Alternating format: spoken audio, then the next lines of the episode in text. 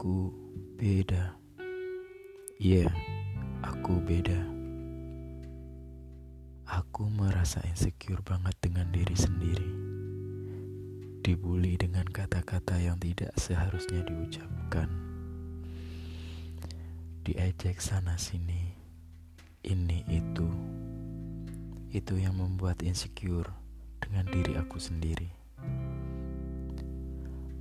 Ada fase di mana aku merasakan krisis pertemanan. Circle pertemanan dulu hanya sekedar say hello. Aku sedih. Aku sempat berpikir, apa salah dengan karakter aku? Apa salah kalau aku beda? Apa salah kalau aku punya circle teman dekat? Di suatu waktu, aku juga sempat berpikir, apa mereka semua malu? Gak enak, risih punya teman seperti aku. Aku juga tidak memaksa mereka harus berteman dengan aku. Sedih, sedih, dan sedih. Mereka pun berhak memilih. By the way, circle pertemanan kok sekarang teman aku tinggal segini ya? Kok aku ketemunya sama orang-orang ini terus ya? Bahkan bisa dihitung dengan jari. Semakin grow up, otomatis inner circle kita tidak sebesar dulu. Circle pertemanan tidak banyak, secara tidak langsung kita bisa memilah dan memilih mana yang berhak masuk di kehidupan kita. Kembali lagi, di masa SMK banyak teman, tetapi aku tidak merasakan kehadiran mereka. Aku merasa asing. Aku sadar bahwa aku beda.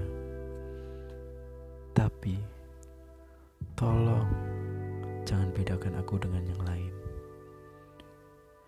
Dibilang masa SMK itu di mana masa yang menyenangkan, bagiku tidak. Untuk sekarang, aku tidak ambil pusing untuk masalah pertemanan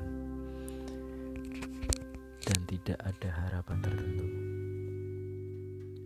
untuk berteman sama siapa saja.